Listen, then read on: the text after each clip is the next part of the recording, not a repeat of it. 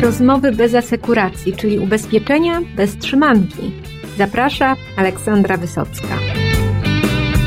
W dzisiejszym odcinku podcastu ubezpieczeniowego Rozmowy bez asekuracji porozmawiamy o cenie, technologii i pozytywnym doświadczeniu klienta, a będą o tym mówić moi goście z SAS, czyli Marta Prus-Wójciuk, która jest liderem praktyki obszaru ubezpieczeń w Europie Środkowej i Wschodniej, a z SAS jest związana już 13 lat, Łukasz Libuda, menedżer w praktyce ryzyka w Polsce i w regionie Europy Środkowej i Wschodniej, z SAS związany 10 lat, oraz Waldemar Razik, senior systems engineer w praktyce ryzyka również w regionie Europy Środkowej i Wschodniej. Specjalizuje się w pracy z klientami nad wypracowaniem podejścia do transformacji cyfrowej oraz wspiera ich w projektach związanych z transformacją aktuarialną oraz pricingiem w czasie rzeczywistym. Zapraszam do posłuchania podcastu. Pani Marto, dobra cena w ubezpieczeniach. E, czy to jest taki święty gral i czy to jest dokładnie to samo dla ubezpieczyciela i dla klienta? Tradycyjnie dobra cena e, kojarzy nam się wszystkim z najniższą ceną dla klienta i jak najwyższą dla ubezpieczyciela, co oczywiście przekłada się na to, że potrzebny jest pewien punkt styku, żeby tą cenę e, dopasować. Natomiast czy na pewno jest to reguła dla wszystkich klientów i dla wszystkich ubezpieczycieli? Otóż okazuje się, że nie, bo nawet wśród tak zwanych produktów codziennego użytku istnieje grupa osób, która jest skłonna zapłacić za nie więcej. Są to tak zwane produkty luksusowe. I to samo dotyczy też zakupu ubezpieczeń. Nie każdy chce kupić e, coś najtańszego i najprostszego. Często te potrzeby pomiędzy klientami są bardzo e, różnorodne, co oznacza, że istnieje pewna grupa klientów, która jest w stanie zapłacić za określone produkty drożej. To, co się dzieje dzisiaj, e, często cena jest dopasowana do dużego segmentu klientów, natomiast wszystko zmierza w tym kierunku, że powinno być to dopasowane do mikrosegmentu, a właściwie do konkretnego klienta indywidualnie ta ocena, którą będziemy robili, podpowie nam nie tylko za ile coś sprzedać, czyli w tym wypadku ubezpieczenie, ale też jaki produkt, w jakim momencie i w jaki sposób. I o ile wiemy, czego oczekuje już nasz klient, to o tyle ubezpieczyciel potrzebuje produktów, które są rentowne. I powinny być one rentowne na całym portfelu klientów, co oznacza, że istnieje pewna grupa klientów, która zapłaci za te produkty dosyć tanio i odpowiednią cenę, ale będą to klienci powiedzmy, że szkodowi, którzy generują też dużo nadużyć i są po prostu nierentowni. Z drugiej strony ci klienci, którzy zapłacą za produkty drożej, w pewnym sensie zrekompensują na całym portfelu to zjawisko rentowności. I jakby do takiej równowagi powinien dążyć również ubezpieczyciel. No i rozumiem, że taka cena dopasowana do e, konkretnego ryzyka, no to jest też no po prostu sprawiedliwa i zgodna z ideą ubezpieczeń, tylko do tej pory była dość trudna do osiągnięcia i być może tutaj może pomóc analityka danych. Panie Łukaszu, co można tutaj zrobić, żeby po pierwsze klient był zadowolony, a po drugie, no żeby ta cena była dopasowana dokładnie do ryzyka? To bardzo dobre pytanie, bardzo dziękuję. No to bardzo ważne pytanie, tak naprawdę dużo się mówi o takim podejściu, gdzie w środku uwagi jest nasz klient i o tego klienta musimy dbać. No z drugiej strony my jako klienci oczywiście, tak jak Marta powiedziała, rzeczywiście chcemy mieć tą cenę najniższą, ale też poziom usług najlepszy. Najlepszy oznacza tyle, że najlepszy, czyli najlepiej dostosowany do, do naszych potrzeb. I tu myślę, że Marta trafiła w dziesiątkę, mówiąc o tym, że trzeba dokonywać mikrosegmentacji klientów. Czyli więcej produktów, odchodzimy od kilku typowych, standardowych produktów, ale chcemy tych produktów mieć więcej i tymi produktami tak naprawdę chcemy usatysfakcjonować swoich klientów. Więc mówiąc o analityce, tak, rzeczywiście już od ładnych kilku lat widzimy coraz to nowe zastosowania analityki, ale widzimy zastosowania tej analityki w dwóch takich, nazwijmy to, odsłonach. Jedna odsłona to jest analityka, która pomaga nam zrozumieć, jak zachowuje się klient, jak zachowywał się klient, bo analizujemy dane historyczne i staramy się dokonać predykcji na przyszłość. Czyli co wiemy o tym kliencie i jak ten klient może się zachowywać, czyli de facto jak bardzo będzie ryzykowny, no po to właśnie, żeby klientowi dać jak najlepszą cenę. I oczywiście tutaj analityka predykcyjna, metody samouczące się, to są elementy analityki, które już weszły i są wykorzystywane przez zakłady ubezpieczeń. I to jest ta noga pozwalająca na lepszy scoring klienta. Warto wspomnieć o jednej ważnej inicjatywie, która została przedsięwzięta przez e, Ubezpieczeniowy Fundusz Gwarancyjny. Mowa o elektronicznym systemie centralnej oceny ryzyka. System, którego wcześniej jeszcze nie było, ale system, który z perspektywy zakładów ubezpieczeń przekazuje dodatkowe informacje o tym, jak dany klient performuje, czyli taki scoring, pozwalający tak jakby zobaczyć, jak ten klient performuje na tle grupy porównawczej, na, na tle całego rynku, czyli z perspektywy zakładu ubezpieczeń dodatkowy wektor informacji o tym kliencie, a z perspektywy osoby ubezpieczającej, czyli z perspektywy klienta tak naprawdę, jest to informacja o tym, ok, jak mnie postrzegają ubezpieczyciele, jakie czynniki są brane pod uwagę i tak naprawdę co powinienem robić, żeby uzyskać właśnie tą lepszą cenę, żeby być po prostu lepszym, bardziej intratnym klientem. Czyli to jest ta pierwsza noga. Informacja o kliencie. Jeśli chcemy dać dobrą cenę, musimy dobre, mieć dobre informacje i dobry scoring klienta. Właściwy, rzeczywisty, realny scoring klienta. Druga noga, i oczywiście w tej pierwszej nodze analityka może jak najbardziej pomóc. Tak jak powiedziałem, są już realne przy, przy, przykłady zastosowania analityki w tym obszarze. Druga noga to jest noga pozwalająca nam uzyskać lepszą cenę poprzez optymalizację wewnętrznych kosztów. Czyli jeżeli my jako zakład ubezpieczeń optymalizujemy koszty, to de facto możemy dać lepszą cenę, niższą cenę, ewentualnie mieć wyższą marżę. I tak naprawdę może to być bardzo dobre podejście do tego, żeby wykorzystać analitykę. I ta analityka jest zastosowana w wielu opcjach w opcjach na przykład związanych z podejściem do uruchomienia chatbotów, czyli tak naprawdę nie człowiek, a chatbot rozmawia z klientem w tych sprawach takich powtarzalnych, standardowych. Co więcej, głosowa identyfikacja klienta. Szybko, sprawnie głosowo identyfikujemy klienta, od razu wiemy, z kim rozmawiamy, łączymy się z nim za pomocą odpowiedniego kanału komunikacji itd., tak itd. Tak no i też taki ważny temat wykorzystania analityki, czyli automatyczna likwidacja szkody tak zwany image recognition, czyli to system porównując zdjęcia stara się te szkody, nazwijmy to w miarę możliwości standardowe, a w sposób automatyczny przeprowadzić, czyli de facto odciążamy naszych ekspertów, naszych agentów, sugerujemy im lepsze produkty, więcej produktów, więc musimy ich tak naprawdę też przeszkolić, e, dając im na talerzu właśnie te produkty dla konkretnego klienta przygotowane w tych e, segmentach mikro, co więcej, no analityka pozwala nam zautomatyzować te procesy, czyli odciążyć naszych ludzi właśnie od procesów od, e, powtarzalnych i takich operacyjnych. Dzięki też analityce, no trzeba powiedzieć, że też eliminujemy ryzyko operacyjne, czyli ryzyko popełnienia błędu, no bo niestety my jako ten powiedzmy element białkowy całego tego procesu jesteśmy skłonni jako ludzie niestety do popełniania większej liczby błędów niż systemy samouczące się, niż analityka. Czyli podsumowując, dwie nogi. Analityka pomaga przy lepszym scoringu klienta, przy bardziej trafnej ocenie ryzyka i daniu lepszej ceny, ale też analityka pomaga tak naprawdę optymalizować koszty i przyspieszać cały proces, który mówimy też bardzo często time to market, time to cash, czyli pozwala nam skrócić do minimum ten, ten proces i klientowi zaproponować najlepszy, jego zdaniem, produkt, najlepiej dostosowany do jego potrzeb i tak naprawdę w najkrótszym czasie, po to, żeby właśnie zebrać tą rentę pionierską i tego klienta pozyskać. Oczywiście jest jeszcze tutaj aspekt kanałów komunikacji.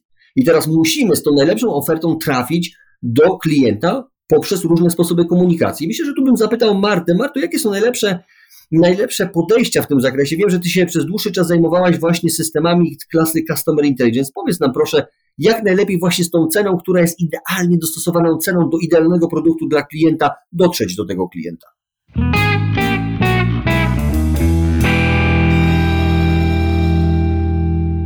Dziękuję Łukaszu za to pytanie. W dzisiejszych czasach e, jest to niezwykle istotny aspekt, zwłaszcza w czasach takich e, covidowych, łamanych na post-covidowych, w których jesteśmy. Podejście zarówno klientów, jak i ubezpieczycieli do samej sprzedaży polis, do ich obsługi mocno musiało się zmienić, jakby to było uwarunkowane tymi czynnikami zewnętrznymi, co oznacza jakby tylko jedno, digitalizację wszelkiego rodzaju procesów, które są związane z prowadzeniem biznesu. Czyli obecnie klient powinien mieć możliwość e, przeprowadzenia procesu zakupu polisy, zmiany na tej polisie, mm, zmiany danych, e, dokupienia różnych produktów, zgłoszenia szkody, obserwowania jakby życia tej szkody, w końcu zamknięcia polisy i odejścia z organizacji, również przez kanały cyfrowe. Mało tego, nie same kanały cyfrowe są tutaj kluczem do sukcesu, ale integracja, czyli tak zwany omnichannel różnego rodzaju kanałów i przejście procesów przez wszystkie kanały, które klient ma ochotę w danym momencie wykorzystać. To wszystko oznacza też jeszcze jedną rzecz, że analityka pozwala nam dopasować cenę do klienta, ale również klient oczekuje teraz spersonalizowanej komunikacji, spersonalizowanego produktu i spersonalizowanego kontaktu w konkretnym czasie. Czyli tak naprawdę tych wymiarów, które należy wziąć pod uwagę, zanim do tego klienta zadzwonimy, napiszemy bądź wyświetlimy banner na stronie internetowej, jest coraz więcej, co też oznacza, że zarówno zakres działania analityki, jak i liczba procesów, które należy wdrożyć przy, wydaje się, zwykłym procesie biznesowym, jakim jest sprzedaż polisy, jest coraz większa i coraz bardziej skomplikowana. Także ta analityka będzie miała w digitalizacji całego procesu coraz większą wagę. No i też ciekawym zagadnieniem jest tutaj, jak to wszystko wpływa na środowisko aktuarialne i czy jakby aktuariat będzie w jakiś sposób się zmieniał w najbliższym czasie, w przyszłości, versus właśnie te wszystkie zmiany związane z digitalizacją. Tu ja właśnie bardzo bym chciała tego aktuariatu nawiązać, bo kiedyś on był tak najbardziej z tyłu zakładu ubezpieczeń, klient w ogóle nie miał pojęcia, że takie coś istnieje. No a teraz y, okazuje się, że związek między aktuariatem a tym, czy klient jest zadowolony, no to wcale nie jest taki odległy. Panie Waldemarze, jakby pan mógł tutaj się do tego odnieść. Tak, dokładnie aktuariat i doświadczenia klienta, wydawało się, że w tradycyjnym biznesie ubezpieczeniowym to dość odległe strefy i sfery działania. I no, warto powiedzieć, że się dużo zmieniło, bo rola aktuariatu w budowaniu doświadczeń klienta, w tym jak on będzie postrzegał, postrzegał nasz zakład ubezpieczeniowy, jak będzie postrzegał e, swoją drogę, e, swoje doświadczenia z, z, z naszą marką, z naszym zakładem ubezpieczeniowym, to w tym, nazwijmy, ekosystemie aktuariat odgrywa kluczową rolę, bo to cena właśnie zaczyna swoje życie w aktuariacie. I aktuariat ściśle współpracuje z zespołami zarządzającymi produktem, w taki sposób, aby z jednej strony zagwarantować rentowność, zagwarantować stabilność finansową portfela, a z drugiej strony, aby pokryć ryzyka aktuarialne i zapewnić obsługę tych ryzyk.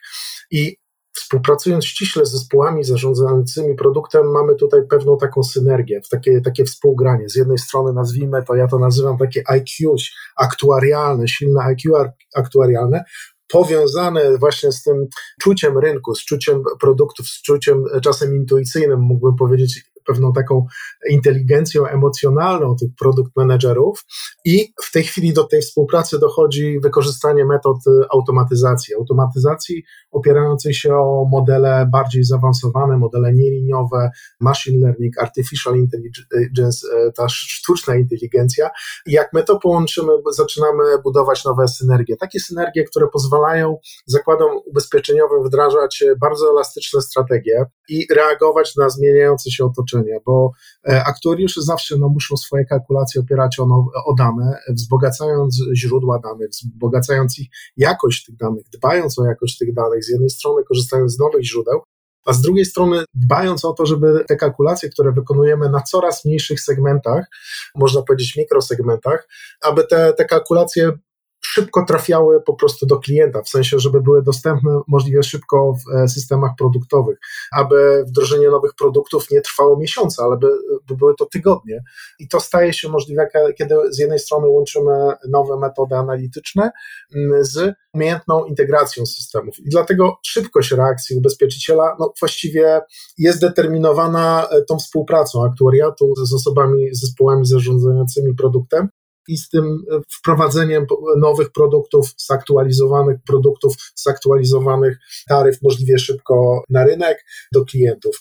I w ten sposób nasza bardzo elastycznie skalkulowana cena, uwzględniając tę zmieniającą się sytuację rynkową, profile i zachowań i, i ryzyk aktuarialnych, pozwalają nam na budowanie takich ścieżek doświadczeń naszych klientów, że już na samym początku budujemy taką relację z klientem, że on wie, że on dostał dobrą cenę, że on jest zadowolony i w ten sposób redukujemy ryzyko też zaprzestania obsługi policji, czy, czyli ryzyka lapsów, czy w ogóle ryzyka odejścia potem klienta, bo on wie, że on dostał dobrą cenę, jest dobrze obsłużony i połączenie tej dobrej ceny z e, jakościową obsługą no, pokazuje, że klient podjął dobrą decyzję, nie tylko dobrą, ale najlepszą decyzję, decydując się na współpracę z naszym zakładem ubezpieczeniowym. Dlatego uważam, że tutaj rola aktuariatu jest kluczowa w transformacji aktuarialnej i w tym, jak budowane są lepsze, bogatsze doświadczenia klienta.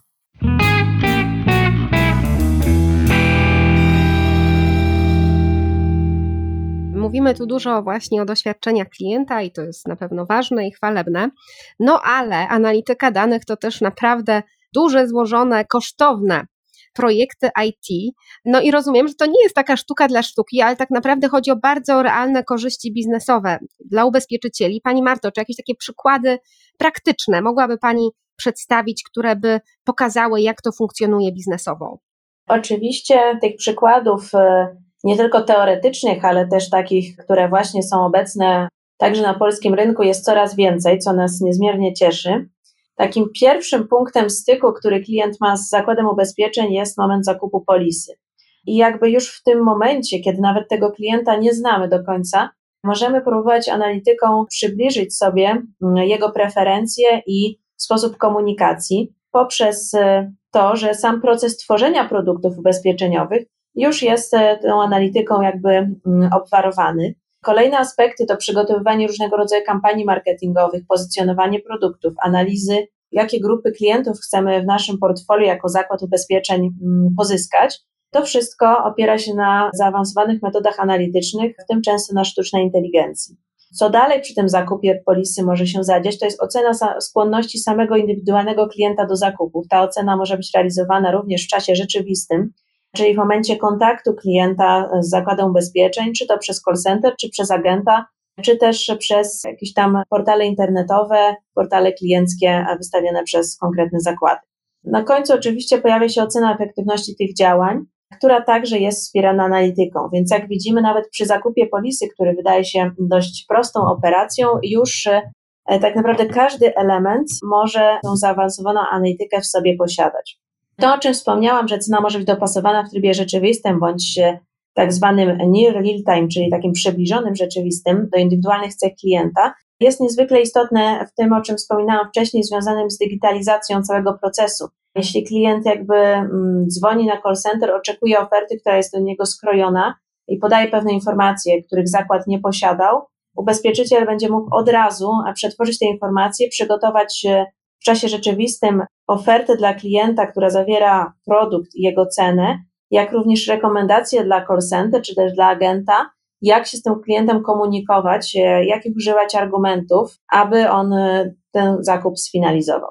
Co też jakby jest e, niezwykle tutaj istotne. Oczywiście cena wyliczona przez aktuariat, natomiast istotny jest też fakt, żeby dać kanałom kontaktu z klientem pewną przestrzeń na, mm, na marżę, na dodanie pewnych zniżek, gdzie product managerowie, zarządzanie produktów są w stanie ekspercko robić pewne korekty co do cen produktów ubezpieczeniowych, tak aby klient e, finalnie e, mógł przeprowadzić też takie mini negocjacje podczas e, zakupu produktów.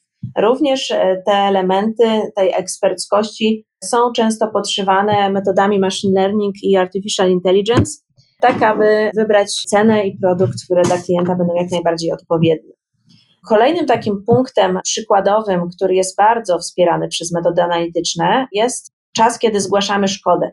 Często on się kojarzy nam nieprzyjemnie, natomiast coraz więcej zakładów, właśnie z uwagi na używanie tych nowoczesnych metod analitycznych, jest w stanie ten proces nam umilić, przyspieszyć i tak naprawdę sprawić, że będzie on przez nas nieodczuwalny, tak jak to było parę lat temu.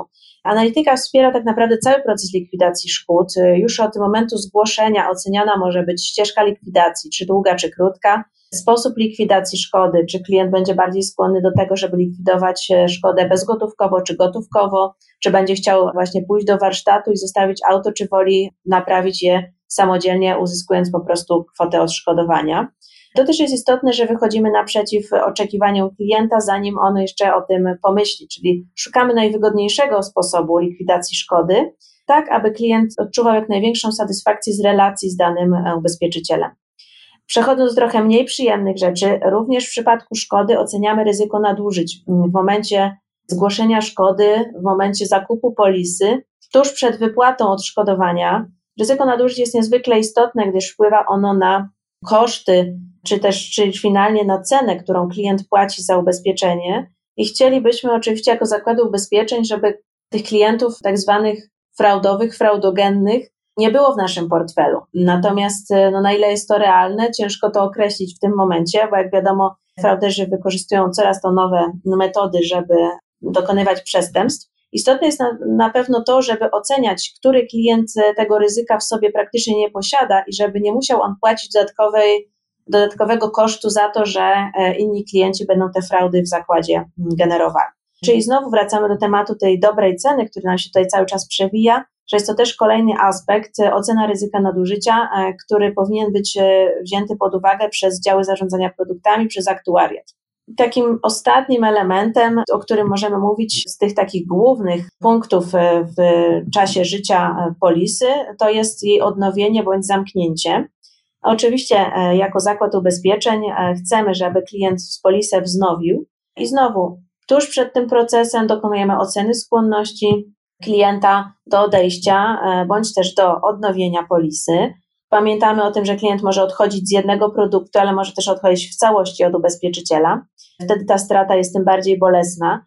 Więc jeśli wcześniej jesteśmy w stanie to przewidzieć, używając metod e, machine learningowych, sztucznej inteligencji, możemy podjąć pewne działania, aby ten klient w organizacji pozostał. To, co dalej się dzieje, jak już wiemy, czy ten klient będzie chciał odejść, czy nie, oceniamy znowu, jaki wariant produktu, w jakiej cenie mu zaproponować, jakim kanałem sprzedaży, z jakim komunikatem i jakby skrajamy po raz kolejny tą ofertę w sposób indywidualny, czyli jak widzimy, tak naprawdę analityka, metody zaawansowanej analityki są obecne w całym cyklu życia klienta, w całym cyklu życia polisy w danym zakładzie ubezpieczeniowym. Więc z jednej strony mamy analitykę, a z drugiej tak naprawdę klientocentryczność, która nam się tutaj przewija przez te wszystkie główne punkty właśnie życia polisy i życia produktu ubezpieczeniowego.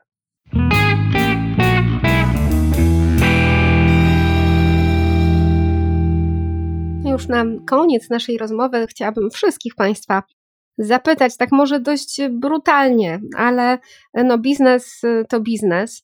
Czy klientocentryczność y, to jest, oprócz tego, że to jest bardzo chwalebna idea, to czy to się opłaca biznesowo? No i druga część tego pytania to, czy da się to tak naprawdę zrobić bez analityki w tym momencie? I po kolei do wszystkich Państwa, co myślicie? Pani Marto. Dziękuję za to pytanie, bo y, przypuszczam, że po naszej rozmowie wiele osób z zakładów ubezpieczeń może też sobie je zadawać. Z naszych doświadczeń wynika, że ta klientocentryczność się opłaca, mało tego już jest wymagana przez klientów. Wynika to z tego, że klienci są lojalni wobec organizacji, które o nie dbają, które sprawiają, że klient odczuwa satysfakcję z samej relacji z organizacją. Czyli nie jest to już prosty zakup produktu, ale fakt tego, że ja chcę po prostu w tej organizacji w jakiś sposób uczestniczyć, chcę się z nią identyfikować. I tylko wtedy, kiedy jakby mam zapewnione pewne indywidualne podejście mm, z tej organizacji, wtedy jakby ta satysfakcja się pojawia. Czyli tutaj znowu musimy podkreślić klientocentryczność rozumianą przez wsparcie tej digitalizacji, e, przez analitykę, komunikację omnichannelową i przeplatanie tej analityki w różnych kanałach, przeplatanie analityki w całym cyklu życia klienta. Także tutaj jakby no stawiając tej mojej wypowiedzi kropkę na D, no to mogę podsumować, że jakby zdecydowanie tak. Widzimy to też na polskich przykładach i na przykładach ze świata, że wskaźnik odejść e, przy organizacjach, które przeszły na podejście klientocentryczne versus polisocentryczne, które jest tym podejściem takim bardzo standardowym w ubezpieczeniach, zdecydowanie spadł i klienci jako bardziej zadowoleni z obsługi pozostają po prostu w danym zakładzie ubezpieczeń. Jeżeli mogę tutaj dodać, to oczywiście zgadzam się z Martą w 100% i jeżeli mogę dodać takie jedno sformułowanie, które często pojawia się w rozmowach z klientami, a rozmawiamy z klientami nie tylko z Polski, ale tak naprawdę tutaj z obszaru Europy Środkowej, Europy Wschodniej, tymi państwami ościennymi, to jest to pojęcie Customer Lifecycle Management, czyli de facto, tak jak Marta powiedziała, staramy się za wszelką cenę utrzymać tego naszego klienta, bo oczywiście wiemy, że koszty pozyskania nowego klienta są znacznie większe. Więc utrzymanie tego klienta i ten, ta klientocentryczność wsparta analityką jest jak najbardziej słusznym podejściem. COVID i sytuacja rynkowa, w której się znaleźliśmy, tak naprawdę wymusił na wielu organizacjach, mówię tu głównie o branży finansowej, bo ta branża tak naprawdę już była częściowo zdigitalizowana, ale wymusił takiego przyspieszenie jeszcze tej digitalizacji, czyli podjęcie tych kroków tak żeby ta digitalizacja postępowała tu i teraz szybko, ale jest w tej chwili etap, my na to mówimy reimagine. Po tym jak był etap respond, czyli odpowiedzi na, na pandemię, na zmiany otoczenia makro, mikro, restructure, po tym jak dostosowaliśmy się w, w terminie krótkim, teraz jest etap reimagine, czyli jak, jak sprawdzi, sprawić, żeby nasza organizacja miała się po prostu lepiej, ale nie tylko nasza organizacja jako my, ale tak naprawdę nasza organizacja plus nasz klient. Więc de facto widzimy jak najbardziej możliwość dostosowania pewnych procesów, digitalizacji pewnych procesów e, z wykorzystaniem analityki, która rzeczywiście pomaga i mamy na to już sprawdzone dowody, ale to, co ważne, to też, żebyśmy chcie, chcie, chciałbym, żebyście Państwo też zapamiętali wszyscy, analityka, silniki decyzyjne, inteligentne silniki decyzyjne, transformacja aktuarialna, real-time pricing, to są pojęcia, które trzeba bardzo dobrze wkomponować i ulokować w strategię, strategię działania. Więc bardzo często jest tak, że rozmawiając z klientami, zawsze zastanawiamy się i wychodzimy od pytania: OK, gdzie jesteście, gdzie chcecie być i obieramy z klientem najlepszą ścieżkę. Najlepszą oznacza to ścieżkę najbardziej optymalną, ścieżka, która jest ścieżką pozwalającą na uzyskanie quick win, czyli szybkiego domknięcia tych tematów, w których rzeczywiście widzimy duże bolączki, duże problemy, a dalej rozpisujemy różne działania związane z analityką, z jej wykorzystaniem na kolejne etapy, na kolejne miesiące, kwartały i na, na kolejne lata. I wydaje się, że właśnie w takim podejściu nie tracimy tego, co jest najważniejsze. Nie tracimy wiedzy o kliencie, informacje o kliencie, ale wzbogacamy ją o nowe dane, na przykład dane pozyskiwane z UFG, z projektu Escor, o nowe dane z rynku, o nowe dane nieustrukturyzowane, bo też mówimy często o text mining, czyli tak naprawdę o analizie tekstów, które gdzieś znajdziemy w internecie w różnych mm, informacjach mówiące o tym, jaki jest sentyment wobec naszego klienta detalicznego, klienta korporacyjnego, ale to, co właśnie najważniejsze, to tak naprawdę właśnie staramy się zbudować tą, tą strategię. I ta strategia tak naprawdę jest strategią, która jest strategią wieloletnią, która wykorzystuje to, co już Państwo macie, plus rozbudowuje e, o inne dodatkowe elementy, czyli naturalna ewolucja, nie rewolucja, naturalna ewolucja i tak naprawdę domknięcie wszystkich tematów w sposób efektywny, kosztowo i oczywiście klientocentryczny. No i ostatnie słowo, Panie Waldemarze, jest piłeczka u Pana. Czy dobra cena w klientocentrycznym podejściu się opłaca? Ja odpowiem zdecydowanie tak i nawet powiem trzy razy tak, bo po pierwsze tak, bo dobra cena dla klienta to taka, która pozwala nam uwolnić potencjał wzrostu sprzedaży, pozyskania nowych klientów i zadbania o obecnych, tak żeby z nami pozostali na dłużej i żeby nas też polecali. Po drugie, tak, bo dobra cena to taka, która ochroni naszą marżę, uwzględnia ten potencjał marży, który, który, który jest i też chroni nas przed niespodziewanymi sytuacjami. No i wreszcie, po trzecie, dobra cena w tym klientocentrycznym podejściu to taka, która pozwala nam na czas odpowiedzieć elastycznie na zmiany otoczenia, że możemy działać elastycznie, dynamicznie i zapewnić, że rzeczywiście nasi klienci mają najlepsze doświadczenia, jakie mogą z nami zyskać, osiągnąć i dzięki temu rozwija się nasz zakład, rozwijają się nasi agenci, no i klienci są zadowoleni.